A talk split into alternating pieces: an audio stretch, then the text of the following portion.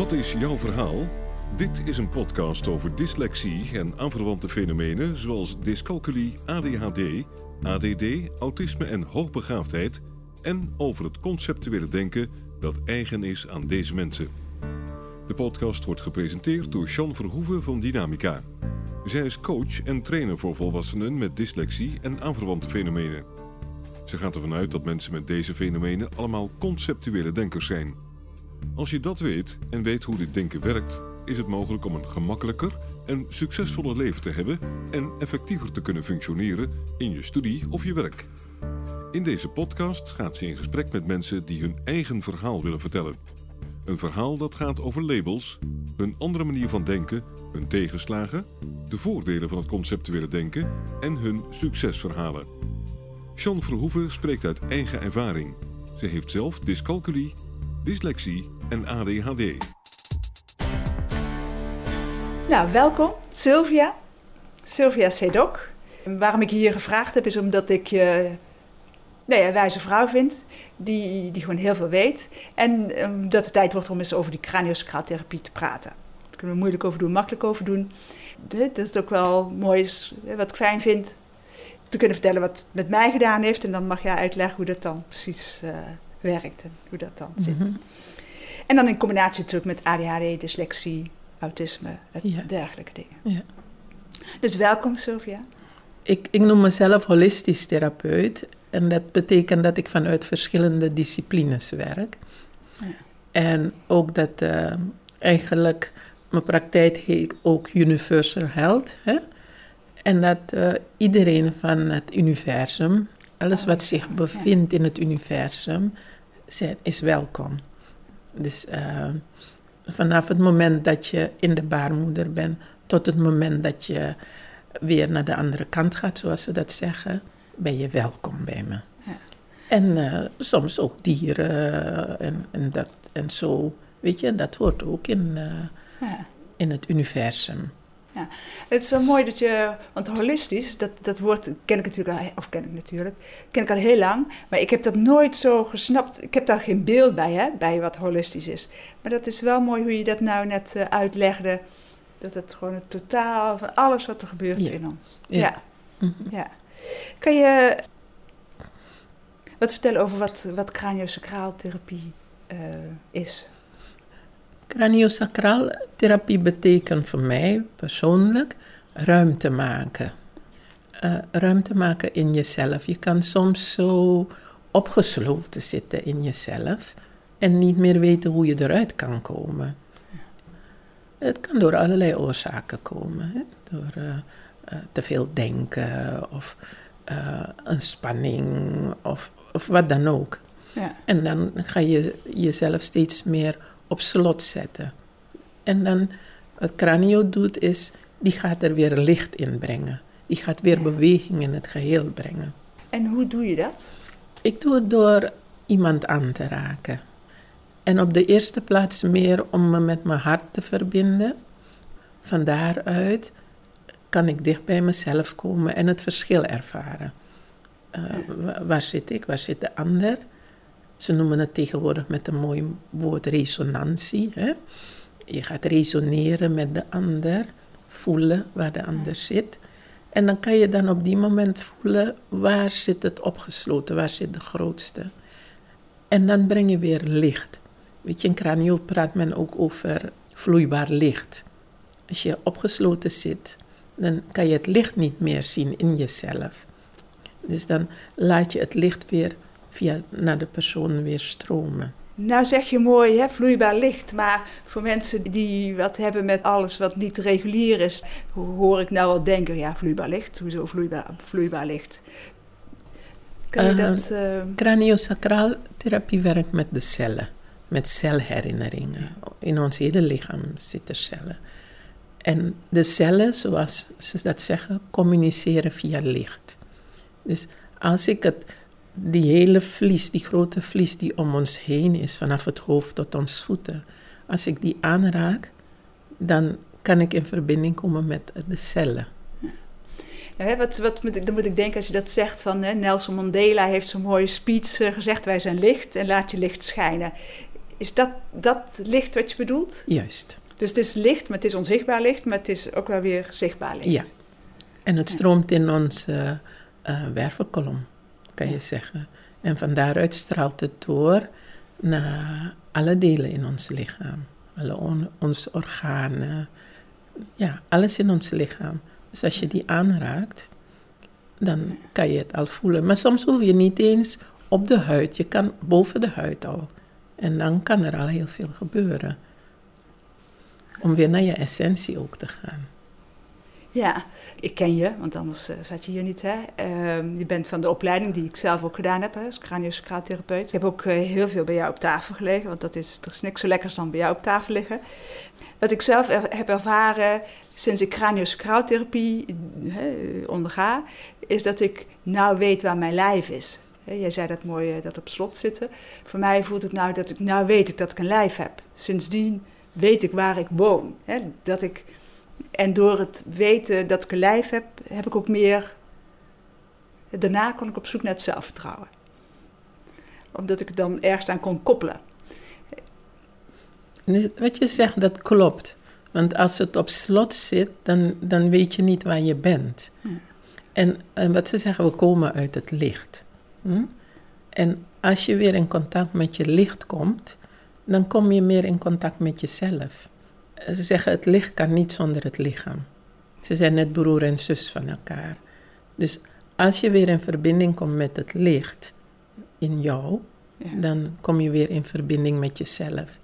En ze zeggen het lichtcentrum is eigenlijk in ons hart. Dus als je weer in verbinding komt met je hart, dan kom je weer in verbinding met je lichaam. Dus dat is wat je meer doet, om de ander weer in zijn lichaam te brengen, in het hart, zodat het weer kan stromen. Ja. Dus het is ook, ik vind het altijd leuk, we noemen het spirituele dingen. Maar voor mij is het ook altijd, het, voelt, het klinkt zo aards. Nou, gewoon in je lijf zitten. Ja, ja want toen, toen je in de buik was van je moeder, het eerste dat ze wist dat je bestond was je hart. Die ging kloppen. Ja dat is het eerste waar je verbinding mee gaat maken. Maar waar ik ook eerst verbinding mee moet maken. Ja. En dan kan ik in verbinding gaan met jouw hart. Dat die weer kan gaan stromen, kan kloppen. Ah, oké, die begint te zuchten. En er begint al bewegingen te komen. En er komt ruimte. Ja. En dat is mooi van kranio, het geeft ruimte. Ja. Je kan weer ademen, je kan weer uitademen, je kan weer, oh ja, alles voelen. Stap voor stap natuurlijk. Hoe ben je ertoe gekomen om craniosacraaltherapeut te worden? Wel, het is eigenlijk toen ik al klein was, werd ik zo door mijn, door mijn grootvader ben ik een beetje zo begeleid. Dan kon hij zitten en dan kon hij zeggen, uh, kijk naar die boom. En dan dacht ik, ja, maar je wilde gaan spelen. Maar dan moest je van hem naar water kijken, naar bomen kijken. En eh, dan denk je, man. Maar je was wel blij met hem en je hield ook heel veel van hem natuurlijk. Dus dan denk je, nou, als ik, hem, als ik een beetje bij hem blijf en uh, luister, dan uh, heb ik twee dingen tegelijk gedaan. Ben ik met hem geweest en daarna ga ik met mijn vriendjes en vriendinnetjes spelen, weet je. En dan, dan was het van, uh, ik zei, ja, ja, ik zie die boom. Het heeft een stam, het heeft, het heeft bladeren en, en fruit en vruchten en zo. Ja, hij zei, kijk nog dieper naar die boom. En dan had ik echt zoiets van, dan gaan we weer. Ja, die, het heeft een kleur, dit en dat. kijk nog dieper. Nou, en dan waren we echt met z'n allen verbaasd. Want dan konden we kleuren zien. Dan leek het echt alsof je een soort vibratie vanuit die boom zag komen. Maar ook met water. Weet je, als je naar de zee keek of, uh, of wat dan ook. En dan zei hij, maar dat kan je ook bij mensen voelen. Kan je ook bij mensen zien hoor. En, uh, en hij zei, dat gebeurt soms al met jou. Hè? En dan schrok ik, want ik dacht, hm.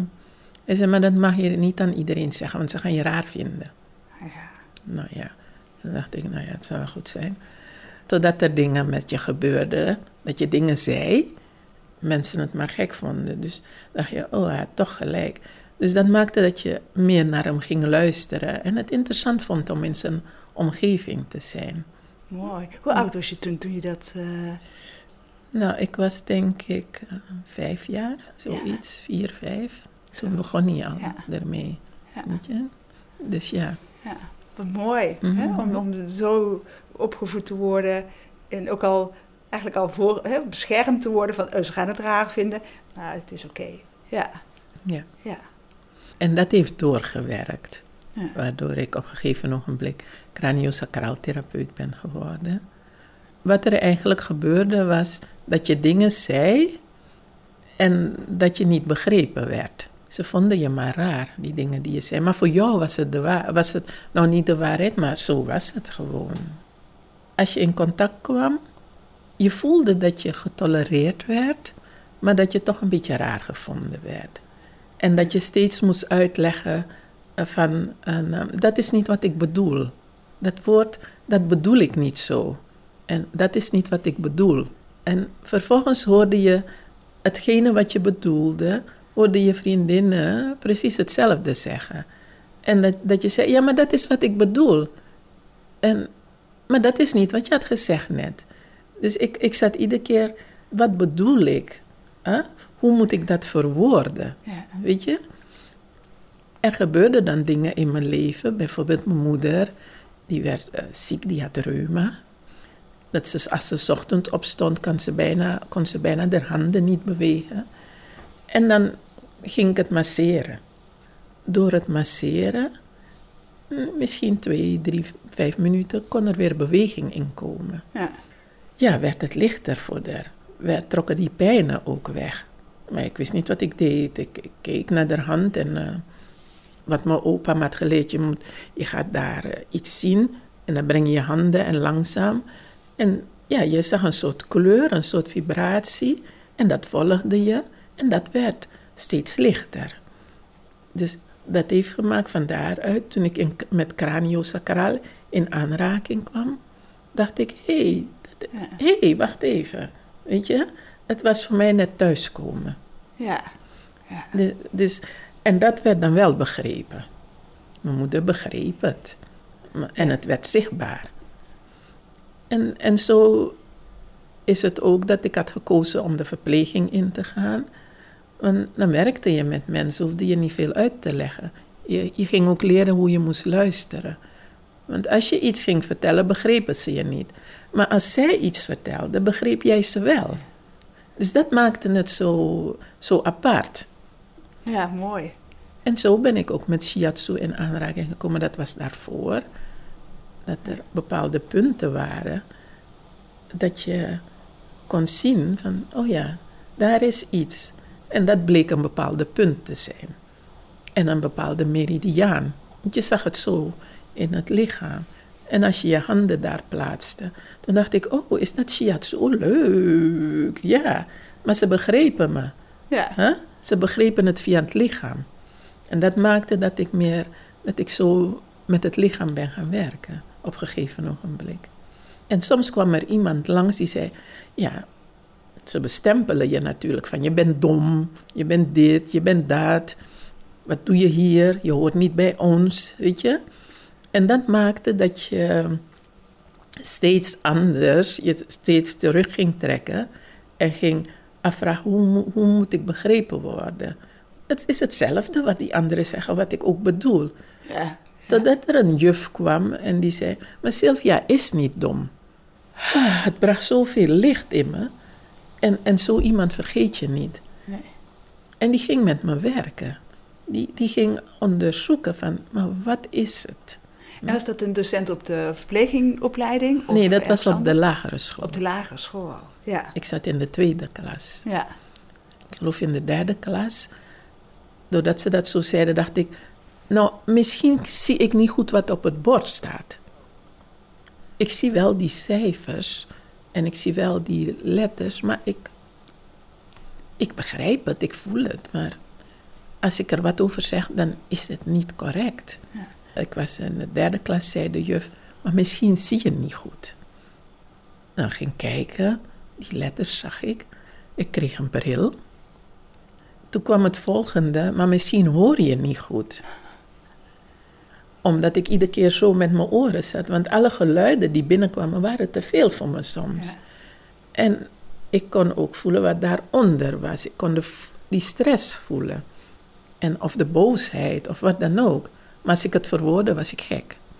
Dus wat er dan gebeurde, is doordat ik zo dat continu voelde en het niet kon plaatsen, moest ik op een gegeven ogenblik naar het ziekenhuis. En dan had ik, kreeg ik last van mijn oren. En nature is wonderful, no? Want wat er gebeurde was dat, ja, rond mijn vierde zeiden ze, dat kwam die uh, oorarts achter, dat er een soort kap om mijn oor is gemaakt. Uh, het was geen afwijking, maar het is iets dat was ontstaan. Hij kon het niet begrijpen.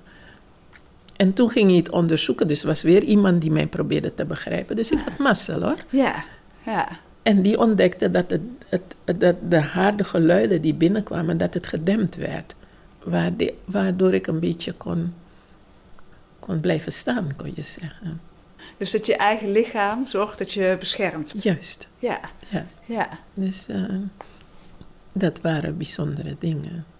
Ja. Al deze dingen hebben gemaakt dat ik ben gaan onderzoeken wat kan ik doen om mijn dagelijks brood te verdienen natuurlijk. Want je moet leven in deze Ja. wereld waar je niet wordt begrepen. En de verpleging hielp me daarbij natuurlijk. Maar ook later dacht ik, ja, dit is het niet. Je kon voelen, dit is het niet helemaal. En toen ik in aanraking kwam met shiatsu, met craniosacraaltherapie, begon ik me nog beter te voelen. Ja. En ehm, ja, dan ging het in me stromen. Dus zodoende ben ik me meer en meer in gaan ontwikkelen. Ja. En gaandeweg kwam ik erachter wat er is en, eh, en noem maar op. Maar het stroomde gewoon niet in me. Ik weet niet als dit een antwoord is op je vraag. Alles is een antwoord. Ehm, gaat erover hè, wat, erbij op, nou ja, wat erbij opkomt. En ehm, het is wel mooi. Wat wel, wat wel leuk is, want we hebben het vaak over dyslexie hè, en ook over ADHD. Want daarom leg ik het natuurlijk ook eh, voor een groot deel op de tafel eh, bij je. Als je dan zo begint met dat je niet begrepen werd... Hoe vaak krijg je mensen op je tafel die zich niet begrepen voelen? Om eerlijk te zijn, constant. En hoeveel mensen daarvan. En voel je, hè, bij, bij, hè, als we het dan hebben over mensen met dyslexie, ADHD, en dan zeggen wij hè, dat het rechterbrein is eh, dominant, linkerbrein is minder dominant. Eh, Hoe zie jij dat? Kan je dat voelen? Hoe, wat kom jij daarvan tegen? Heel, heel veel. Soms hebben mensen het niet eens in de gaten dat ze dat hebben. Weet je, ze, ze zijn net als, als ik, proberen ze te overleven natuurlijk. Maar als je je handen plaatst bij het hoofd, weet je dat je hebt bepaalde technieken in de cranio. En dat is je plaatst de handen voor de oren. En zo boven de oren is er een techniek, hè, dat je het op de schedel plaatst. Dan kan je rechts en links voelen. Aan de rechterkant kan je voelen alsof het bol staat. Aan de linkerkant voel je alsof het is ingedeukt. Ja. Dan is al een verschil. En zodra je je meer gaat concentreren op dat deel van het, van het hoofd, daarboven bij, de, eh, bij, bij het oor, dan kan je, de, als je daar, als stel die kant is ingedeukt. En dat is, hij maakt helemaal geen verbinding met je handpalmen. Ja. Je plaatst je hand op het schedel. Hè? En dan voel je, het is er niet. Er is niks, het is leeg. Terwijl die andere kant helemaal bol staat. Alsof die, die ene kant, waar, waar je geen verbinding mee hebt, alsof het het helemaal trekt. Alsof die, die zo bol staat, alsof die het meer helemaal leeg trekt. Zo, zo voelt het. Hè? Ja. Door mijn aandacht steeds daar te houden, bij die leegte. En proberen daar steeds meer verbinding mee te maken. Dan, dan lijkt het alsof die rechterkant die zo bol staat, steeds meer gaat slinken. En dat ineens, waar er geen verbinding was met die ene hand, dat er daar ineens, dat je gaat voelen, oh, er begint beweging daarin te komen. En op het moment dat je dat voelt, alsof het huid, die schedel meer in je handpalm komt, je kan de klok op gelijk zetten. De mensen gaan iets dieper ademen. Ja. Een zucht, een diepe zucht komt er. Oh, dit heb ik gemist. En hoe meer je daar je aandacht in brengt, hoe meer het eh, boller wordt. Ik noem het even bol, hè? Maar Ja, hoe weer, ja. je voelt alsof het opgevuld wordt. Dat ze gelijk aan gaan voelen. Ja. Ja. Hm? Ja. En ehm, mensen krijgen ineens herinneringen die op tafel liggen. Ze gaan zich ook lichter voelen. En ze gaan ook dieper ademen. Ja. En ze zeggen ook, oh, ik voel mijn lichaam weer. Ik was mijn lichaam even kwijt. Als je naar een andere plek gaat in het lichaam, daar bij de ooghoeken, ja. zo, we noemen het sphenoïd of sphenoid. In het Nederlands noem je het het wiggenbeen. En daar zitten de oogspieren, hè? Die lopen Ja. daar doorheen. Dan lig je oog, eh, ja, de ogen in. Ja. Ja. En als je daar balans ook brengt, gaan mensen ook. Dus je, je werkt met dat stukje. En dan automatisch voel je dat je daar naartoe wordt getrokken. Ja. Je hoeft het alleen maar te volgen. Ja. En je komt in twee kuiltjes. En hetzelfde wat daar gebeurt bij die schedelrand, bij die schedel, Ja. hetzelfde gebeurt daar ook. Ja. En Ja. dan komt er ook balans. Ik weet nog eh, bijna op welke tafel ik lag. Ik weet precies waar het was. Het is misschien wel 15, 15 jaar geleden. Het was op een oefenavond. eh, Dat jij mijn sphenoid eh, vastpakte. En dat ik dacht, nu heb ik nieuwe hersenen. Zo, dat ik de ruimte had. En wat ik voelde was toen ik naar huis fietste. Want ik fietste altijd, eh, door de stad fietsen is zo'n stress. En ik fietste door de stad en toen dacht ik, hé, ik zie veel meer. Ja. Ik zie, het was net alsof ik zo op een meter afstand altijd een soort muur had. Waardoor ik zo op moest letten in het verkeer en alles zo, hè, zo van alles eh, schrok. En nou eh, dacht ik, hé, ik kan verder kijken. Zonder dat het me energie kost en alles komt veel minder hard binnen. Dat, ehm, dat vergeet ik nooit meer. Dat, ik weet het nog steeds. Dus ja, zoveel. Nou, dat was vijf minuten dat je daaraan gezeten hebt. Mhm. Ja. En, en dat is, is mooi dat je dat zegt. Want dan kan ik weer terugkomen op waar we het over hadden, over het licht. Ja. Want bij het oog is je licht. Ze praten over het, het derde oog, is je lichtcentrum. Men praat ook over eh, de epifyse. Maar het blijkt dat als we klein zijn, als we nog in de baarmoeder zijn, hebben ze ontdekt, dat het hoofd en het hart samen zijn. En als we ervan uitgaan dat het hart het lichtcentrum is, en daar zit ook het lichtcentrum bij het oog. Ja. En dan op een gegeven moment gaan we ons oprichten. Dan gaat het hart op de plek en het hoofd komt naar boven. Door het weer op zijn plek te zetten, gaat letterlijk die vensters gaan open. Ja. Ja, het Ja. licht, je lichtcentrum gaat weer open. Ja, dan heb je weer die ademhaling. Ja. Dus het is, is mooi wat je zegt, want dat is precies waar het om draait. Ja. Wat de essentie is eigenlijk. ja, en ik zat nog eh, te denken hè, voor mensen, hè, als we het hebben over energie en alles is trilling en dat soort eh, dingen. Hè. Kent als je je handen zo tegen elkaar aan wrijft en vervolgens ze uit elkaar houdt. Dan heb je precies hetzelfde. Ja, ja, dus dat is hè, voor iedereen die denkt van eh, waar gaat dit over? Nou, doe het even hè, tijdens het luisteren. Dan, dan kan je eigenlijk al voelen dat er energie is. Ja. Dat, dat, en als je, hoe ver je dat kan voelen. Nou, dat is eigenlijk waar we het over hebben. Hè? Juist. Het is niks mystieks of niks vreemds. Of, eh, en iedereen kan het. Ja, maar je Ja. kan zelf ook je handen op je, bij je hoofd plaatsen. Ja, Aan de zijkanten, daar boven het oor op je. Dan kan je dat ook voelen. Van, eh hey, het lijkt alsof die ene kant harder aanvoelt. Hè? In plaats van, ik kan je ook zeggen hard en zacht, koud en warm. Dat Ja. zijn ook van die energiedingen. ja Hm? leeg en vol. Ja. ja, ja. Weet je? donker licht. Ja, dat soort... eh, Dat, dat is ook ja. eh, wat energie doet. ja. En je vertaalt het alleen op een andere manier. En zeg je daarmee ook dat je vooral eh, rechterbreinige mensen op je tafel krijgt? Ja. Ja. Hoe komt dat? Weet je dat? Waarom ik die mensen krijg? Ja, waarom vooral rechterbreinigen en niet eh, veel linkerbreinigen? Ehm, Vooral door de conceptueel denkers dus. Ja, ik denk dat we resoneren met elkaar. Dat ze juist bij mij komen. Ik heb ook de andere kant hoor, die komen. En dan door al de ervaringen in mijn leven, dan eh, kan ik het een beetje meer uitleggen. Hm? Ja. Stap voor stap hoor. Ja. Eh, maar ze komen vanwege de resonantie dat ik dat zelf ook heb. En, eh, en dan gaat het werken. En in hun omgeving zitten ze ook met mensen die zo in elkaar zitten. Dus dan, het, mijn, mijn praktijk is meer mond-op-mond reclame. Ja. Dus dan gaan ze meer mensen vinden die dat ook hebben. Ja. Ik begrijp ze. Ja, en in hoeverre, hoe zie je dat? Is er ook dat er mensen met een rechterbreinig dominantie meer stress hebben, meer wat op slot zitten dan linkerbreinige mensen? Ja, dat hangt van onze maatschappij af.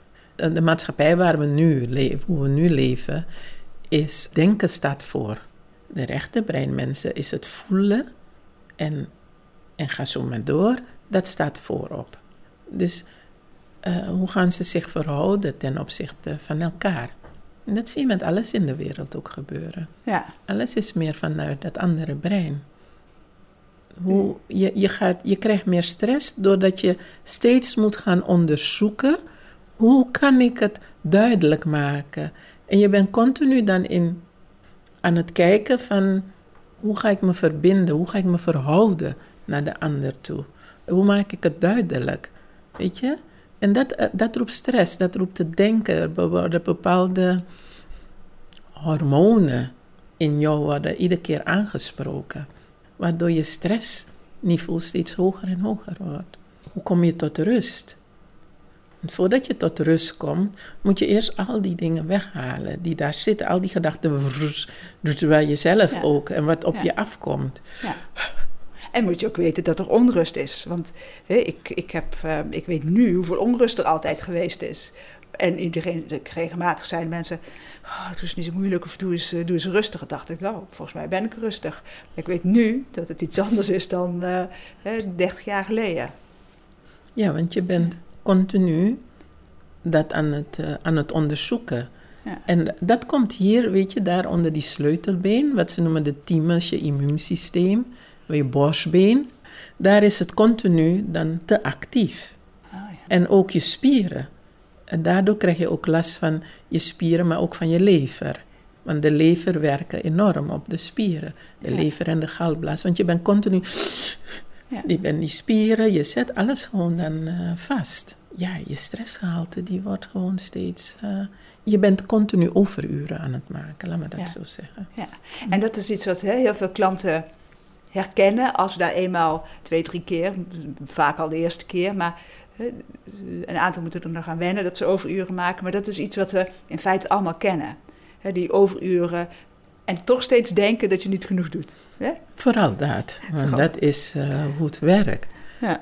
En ook eh, mensen met een rechterbrein, wat ze me eigenlijk geleerd hebben, met de linkerbrein, als die gaan zitten, kunnen ze de dingen onderdrukken.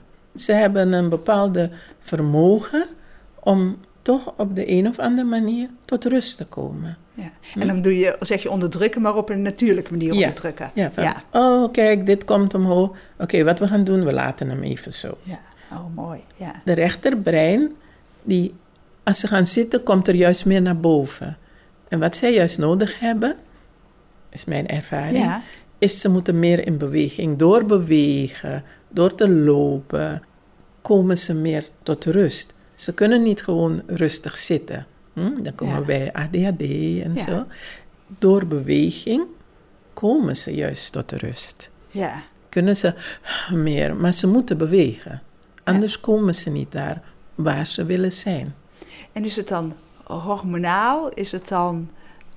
Het heeft met die lever te maken Ja. en met de ademhaling. Ja. En het is iets ook inderdaad hormonaal. Die adrenaline, die ga je weer terugdraaien. Dan heb je een cranio, dat vind ik zo mooi, heb je een, een, een module, dat, dat noemen ze de alarmklok. Het is Ja, net een klok ja. die je steeds meer terug moet draaien. Weer Ja. gaat afstellen, afstellen. Oké, als je geen craniosacraaltherapeut in de bu- buurt hebt, dan kan je ook door beweging, dat soort dingen. Dat het weer eh, ah, zen. Ja, dus je zegt eigenlijk, want dat is wel mooi, want ik ken het, ik- ja, ja, mijn klanten kunnen allemaal niet eh, stilzitten of hè, we moesten stilzitten. Maar ik hoor ook heel veel en klanten, eh, die, hè, meestal die zijn allemaal volwassen, eh, bijna allemaal volwassen, eh, dat ze kinderen hebben die dan hier op school zitten en stil moeten zitten. En dus of boos worden op school, hè, de juf gaan schoppen of eh, gaan schreeuwen of zich helemaal terugtrekken.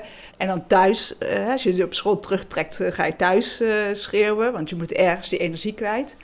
Maar het is wel mooi dat je dat zegt, dat het echt uit het rechterbrein komt. Dat dat rechterbrein meer moet bewegen.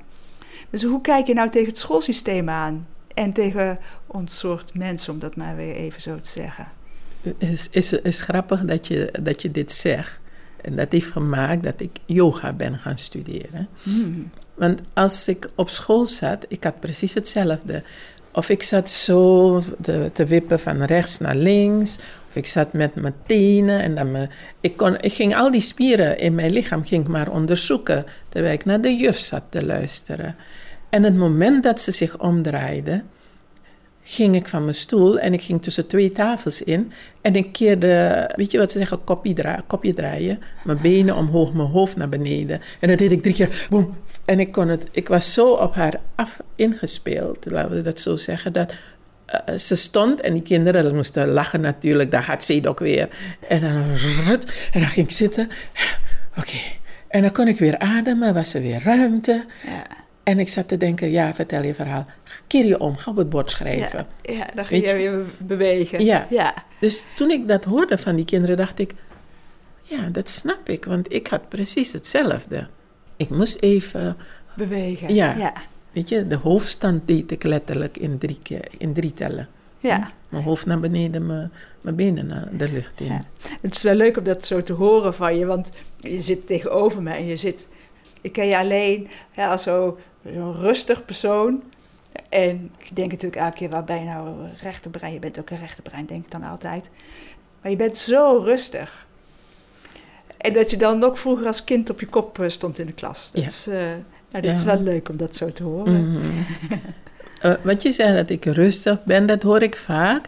Maar wat ik wel doe is door al die bewegingen en mijn lichaam steeds gaan onderzoeken. Terwijl ik al op school zat van oké, oh, oké, nu ga ik mijn kuiten aanspannen. Oké, dan komt er rust.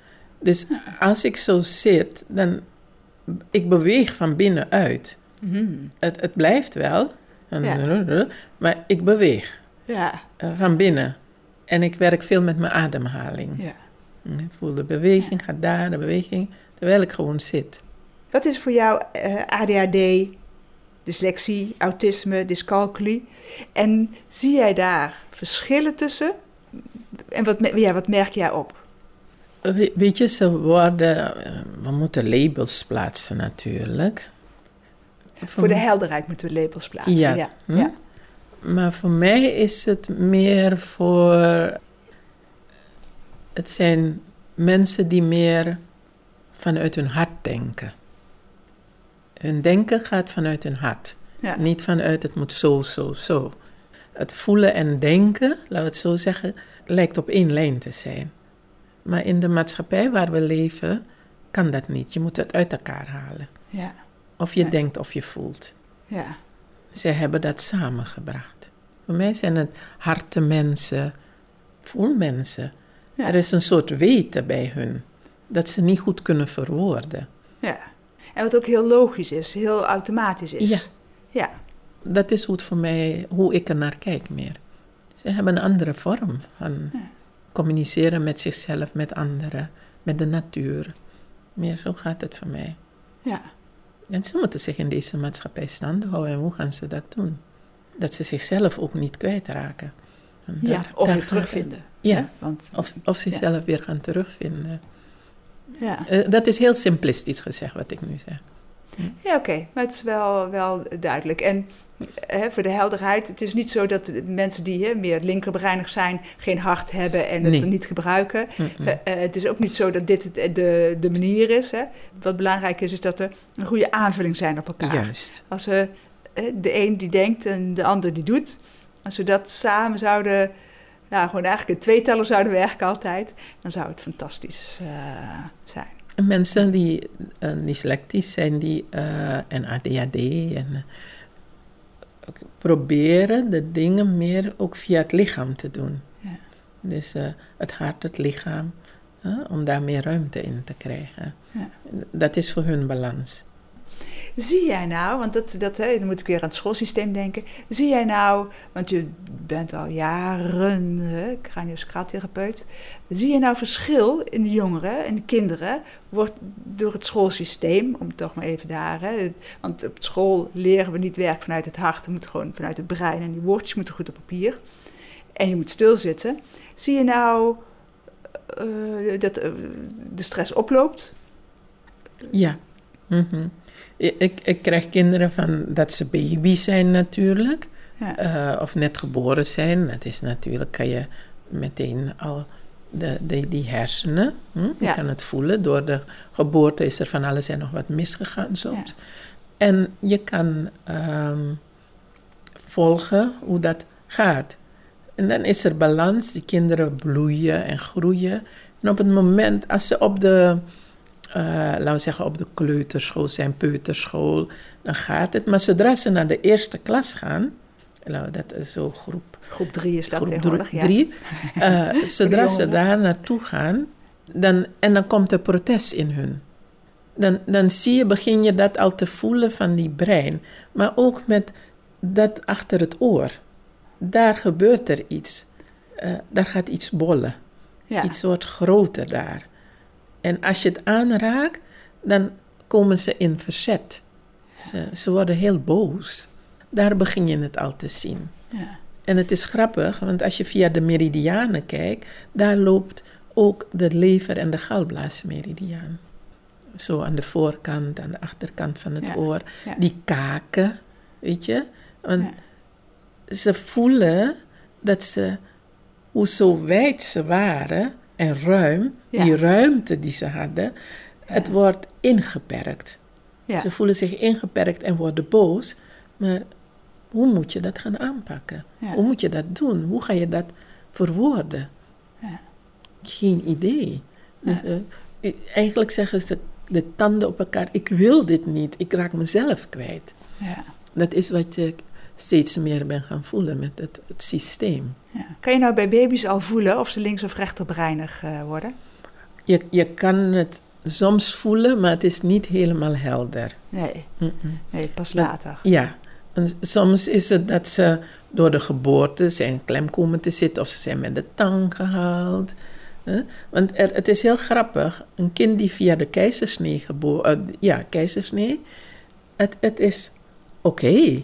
Ja. Maar als je dieper gaat voelen, dan, dan ga je al voelen dat er een klein balans is. En dat werkt meer met de voorkant en de achterkant van het hoofd. Met de keizersnee. Ja. Dus het Ja. voorhoofd en het achter. Dus dat er, eh, er is een bepaalde ruimte. Dat er iets niet is ingedeukt of niet samengebracht is. Ja, ja. Om dan weer te openen. Want cranio gaat over naar binnen en naar buiten, wijd. Als je dat doet via de bovenkant, dus laten we zeggen het verticale, dan kan het naar beneden stromen, wat zo Ja. boven is. Maar als een kind met een keizersnee is er de voorkant van het hoofd, het voorhoofd en het achterhoofd, alsof daar dan ruimte moet komen. Ja, en da- daarmee zeg je, doordat ze niet door het geboortekanaal zijn gegaan, is er al, voel je al dat het anders, eh, dat het daar al wel anders is op dieper niveau in de hersenen. ja. En niet dat er dan meteen iets mis is. Nee, nee. maar nee. dan voel je wel dat, er, Ja. ehm, dat het indeuken en uitdeuken, waar het cranio over gaat, en naar binnen en naar buiten, dat ritme, dat dat eh, daar alweer daar al eh, begint. Daar, daar begint het. Dat, dat zie je. Mhm. Ja. En dan later kom je dan met het eh, rechter en hersen, rechter en linker hersenhelft, kom je dan in aanraking. Maar dat hangt ook weer van de omgeving. Waar in welk, in welk nest zijn ze geboren? Eh, eh, Het zijn het ouders die beide van de linker hersenhelft zijn. Of is de een juist de rechter hersenhelft en de andere de linker? Kinderen zijn net sponsen. Die gaan dat adopteren. Die Ja. gaan dat nadoen. Ja. Mhm. Ja, ja, zeg je daarmee dat het pas dat het duidelijker wordt als je, als je opgroeit, dat dat linker en rechter hersenhelft gaat kiezen? Ja. Ja. En niet dat het al in de baarmoeder is, het niet al rechts of al links. Dat is mijn, wat ik tot nu toe heb ervaren. Ja. Hè? Ja, ja. Het kan dat het anders is, dat iemand anders... eh, oh, Oké, want ik trek zulke mensen aan. Ja. Maar iemand anders weer een andere visie Ja, daarover heeft. Maar dat is wat ik tot nu toe heb ervaren met kinderen. wat ik ook heb ervaren met baby's, wanneer ze zo klein zijn, je hoeft bijna niks te doen. Je zet één, plaats één hand bij het sacrum, één daar bij de nek, je houdt ze zo vast. En zij gaan zelf voelen hoe ze. Zij gaan jezelf vertellen wat er aan de hand is met Ja. hun. Zij gaan hun, ze bewegen zelf naar jouw handen toe. Doordat ik ook vroeg met kinderen ben begonnen, eh, op kinderen letten, broertjes, zusjes, neefjes. Ah, ja. Ik was zelf nog een kind, hè, doordat ik zo in elkaar zat, kon ik verbinding met ze maken. Dus dat heb ik behouden op de een of andere manier, waardoor ik die verbinding met dat kind kan maken op dat moment, Ja, ja. kan resoneren. En dan kan ik voelen of horen, ik word één met ze. En dan kan ik het in mijn eigen lijf voelen. Ja. En zij laten me dat gewoon zien waar het zit en wat, het komt. Ja. Ik vind het, daarom hou ik geloof ik ook zo van die cranio, dat ik, ik niet, hoef niet te veranderen. Maar als ik bijvoorbeeld bij jou op tafel lig, of als mensen bij mij op tafel liggen, dan, ja, in feite hoef je, doen we niks. Het lijf gaat zichzelf, ja, gaat zelf bewegen. Hè? Bij baby's leg je mooi uit, maar ook bij hè, volwassenen zie je dat het lijf zelf beweegt. Dus ik, eh, ik hoef geen oefeningen te doen, ik hoef niet eh, op te letten. Het, het gebeurt gewoon. Juist. Dat vind ik zo mooi. Ja. En, en je, je hoeft het ook niet uit te leggen. Ja. Want als je het gaat uitleggen, gaat iemand in. Maar wat bedoel je? En dan kom jij weer in je stress van: ik moet uitleggen hoe het eigenlijk zit. Maar kan de persoon me begrijpen? Want als ik dat ga uitleggen, zit ik in dat andere brein. En de persoon op tafel zit misschien in een andere brein of wat dan ook. Maar Ja. ik hoef niks uit te leggen. Ik hoef mijn handen alleen te plaatsen en dan ga ik. Ja. En dan gebeurt het. En ik, ik kan het voelen, maar degene op tafel kan het voelen. Ja. Dus dan vallen dingen samen. We Ja. kunnen elkaar op dat niveau begrijpen. Komen mensen met heel concrete vragen bij je? Ja. Kan het dan zijn dat jij op een heel ander spoor uitkomt? Ja, dat gebeurt regelmatig. Eh, Eigenlijk gebeurt dat continu. En ik, ik maak er vaak grapjes over met mijn cliënten. Ja. Ik zeg, luister, als jij en ik zo praten, dan weten we gewoon vanuit wat in de boeken staan en, en, en noem maar op wat het zou kunnen zijn. Maar straks als je op tafel gaat, dan kan jouw systeem een totaal ander verhaal aan ons vertellen. Ja. Hm? En dat klopt meestal. En dan maken we gra- vaak grapjes over. Want dan komen we eh, op andere dingen uit. Hm? En dan kan het zijn, in, in de kranio hebben ze iets heel leuks erover. Hè? Dan zeggen ze van, de, je komt met een probleem dat gerelateerd is aan de maag. En als je naar de maag toe gaat, zegt de maag, ja, eigenlijk ben ik maar naar voren gegaan, naar voren gekomen, laat het zo zeggen, omdat de lever of, of de mild al heel lang aan het aangeven is wat er aan de hand is. Maar er wordt niet naar die, er wordt niet naar die mild geluisterd. Dus heb ik maar gezegd, ga ik het doen. Dus fijn dat je mij e- even naar me hebt geluisterd, maar wil je nu naar de mild gaan? Want daar gaat het over. Ja. En dan ga ik contact met de mild maken. En die zegt: Waar was je al die tijd? Ik heb je zo geroepen, maar je luisterde niet. En dan gaan we daarmee aan de slag. Ja. Dus het is een totaal ander iets. Hm? Ja. En dit heeft ook gemaakt dat ik, doordat ik dat zo vaak tegenkwam, dacht ik: er is een boodschap voor mij hierin. Zo ben ik op die manier met familieopstellingen of systemisch werk in aanraking gekomen. Ja. Want eh, iets, iets blijft zich herhalen, maar je kan het niet plaatsen. Dus dan ga je onderzoeken, waar komt het dan vandaan? Waarom herhalen de dingen zich in het leven? In je leven. Ja. En dan kom je achter hele mooie dingen dat al veel verder is. En zeg je daarmee ook dat je daarmee eh, dingen op kan ruimen? Dat je eh, dingen bij de bron aan kan pakken? Juist. Ja.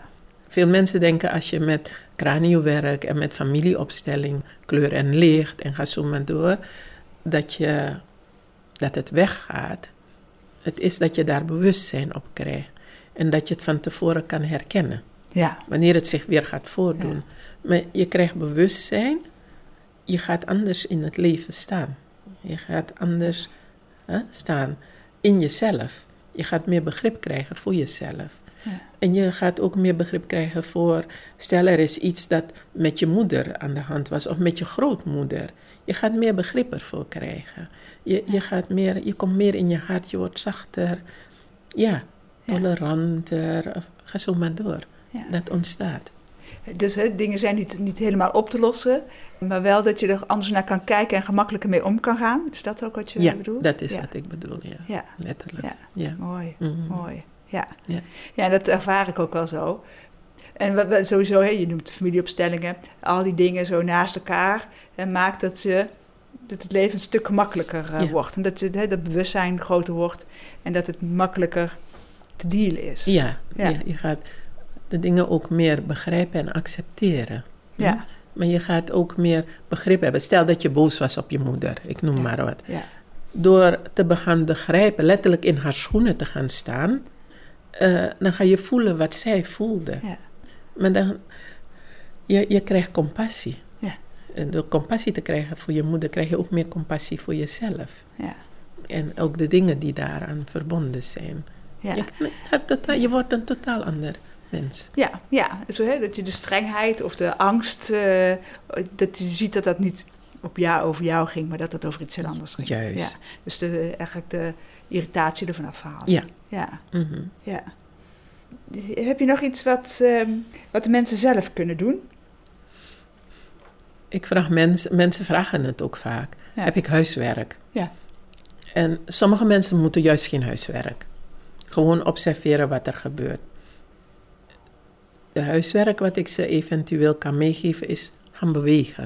Ik kan zeggen ga lopen.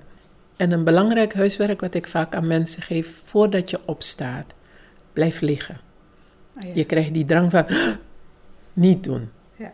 Blijf liggen en vraag jezelf af: wat wil ik vandaag? En al is het maar iets voor een kwartiertje. Als ik opsta, wat er ook gebeurt, ik wil eerst een kopje koffie. Ik ga niet eerst naar mijn telefoon rennen. Of naar mijn, ehm, of naar mijn WhatsApp of naar mijn computer. Ik, wat ik doe, ik ga, ik ga plassen en dan ga ik eerst een kopje koffie drinken en dan pas ga ik. Want dan neem ik even tijd voor mezelf. Hm? Dan, dan ben ik eerst in dienst voor mezelf. En dan kan ik zeggen, en nu ga ik kijken wat de buitenwereld wil. Ik zorg eerst voor de binnenwereld en dan ga ik voor de buitenwereld. Eh, het kan ook gewoon een glas water zijn. Met Ja. citroensap of wat dan ook. Ja, maar gewoon even, even tijd voordat je gaat rennen. Ja, Ja, dus rustig opstaan. rustig. Ja. Hm? Ja, dat is voor veel mensen met ons brein wel eh, belangrijk. En, en volgens mij voor, al- voor alle mensen wel. Maar ja, En geloof me, het is een hell of a job. Om dat Ja. te doen. ja, ja, ja. Ja, Ja, ja, we zeggen het wel, het staat overal, maar eh, iedereen zegt het. Maar het is, dat is misschien wel harder, het is veel harder werken, niet misschien. Het is veel harder werken dan Ja. hard rennen. Ja, ja. en ehm, ademen. Ik zeg altijd aan ja. mensen, adem. Vergeet niet te ademen. Ja. Adem in, adem uit. Ja. That's it. En ook dat is heel erg moeilijk. Mhm. Ja. Zijn er nog dingen die je wil vertellen? Of die ik niet gevraagd heb? Nee. Ik heb nog een mooie afsluiting. Eh, Een van mijn dochters, hè, die, komen ook allebei bij jou. Hebben we, het wel, we hebben het wel eens met onze meiden over eh, al die alternatieve dingen. En kun je nou voelen of niet? En dan eh, zegt er eentje leuk: nee, nou dat bestaat allemaal niet. Behalve als Sylvia het zegt. Want als Sylvia, dan kom je binnen en die zegt: Hoe is het met je? En dan vraagt ze daar en daarna. En zegt ze: van, Oh, hoe is het daar? Hoe is het daar? En dan denk ik: Dat kan ze niet weten. Sylvia weet het dus wel. Dus dat, dat eh, vind ik wel Grappig. erg leuk. eh. Dus ze is nou heel erg met wetenschap bezig. Ja, leuk. Ja, Ja. En dat ze, nee, als we het over Sylvia hebben, dan eh, is het duidelijk. Dus die- is, is leuk dat ze dat zegt, want het gaat echt om resonantie. Hè? Ja. Je, Ja. je, je, je resoneert gewoon met, met iemand die op dat moment binnenkomt. Ja. Doordat je steeds meer in jezelf bent gegaan, contact met jezelf hebt, kan je meteen als iemand Ja. binnenkomt, kan je het verschil voelen. Ja, mooi. Ja. Dat zo'n wijsneus die dan vindt dat het toch allemaal anders is en Ja, dingen niet bestaan, Ja. het toch zegt, Maar Sylvia weet het wel. Sylvia die kan echt dingen zien in mij die ze niet weet. Die, ik, die ze niet kan weten. Ja. En terwijl ze me dat doorschijnt zonder dat ze het weet. ja, ja. ja dus zo doen we Ja, dat is leuk. Ja. Noem nog één keer je website. www.universal Health. Ja, Want als je Sylvia Sedok ook intoetst, dan kom je ook op mijn website. ja precies. En je naam komt eh, bij de podcast. En eh, je staat natuurlijk op onze website onder de craniosacraal therapeuten. Oh ja. Ja. Mhm. Nou, Sylvia, dankjewel. Jij ook hartelijk, hartelijk dank. Ik vond het heel, heel fijn. Ja, ik Ja. ook. Wil je reageren op deze podcast of heb je vragen? Stuur dan een mail naar podcast.dynamica.nl. De reacties zullen worden meegenomen in volgende podcasts. John Verhoeven geeft coaching, workshops en trainingen. Wil je meer informatie? Kijk dan op www.werkendyslexie.nl of www.geniaaloprechts.nl of bel 020 639 1099 020 639 1099. Jean Verhoeven heeft twee boeken geschreven over dyslexie, Slimmer dan je baas en Dyslexie, Stoornis of Intelligentie. Deze boeken zijn te koop in elke boekhandel. Stuur de podcast door naar iedereen waarvan je vindt dat ze meer zouden moeten weten over dyslexie, ADHD, ADD, dyslexie, dyscalculie, autisme en hoogbegaafdheid en het conceptuele denken. Deze podcast is gemaakt in samenwerking met Marcel de Hoog van Storytelling Media. Hij verzorgt de technische, redactionele en morele ondersteuning. Tot de volgende aflevering.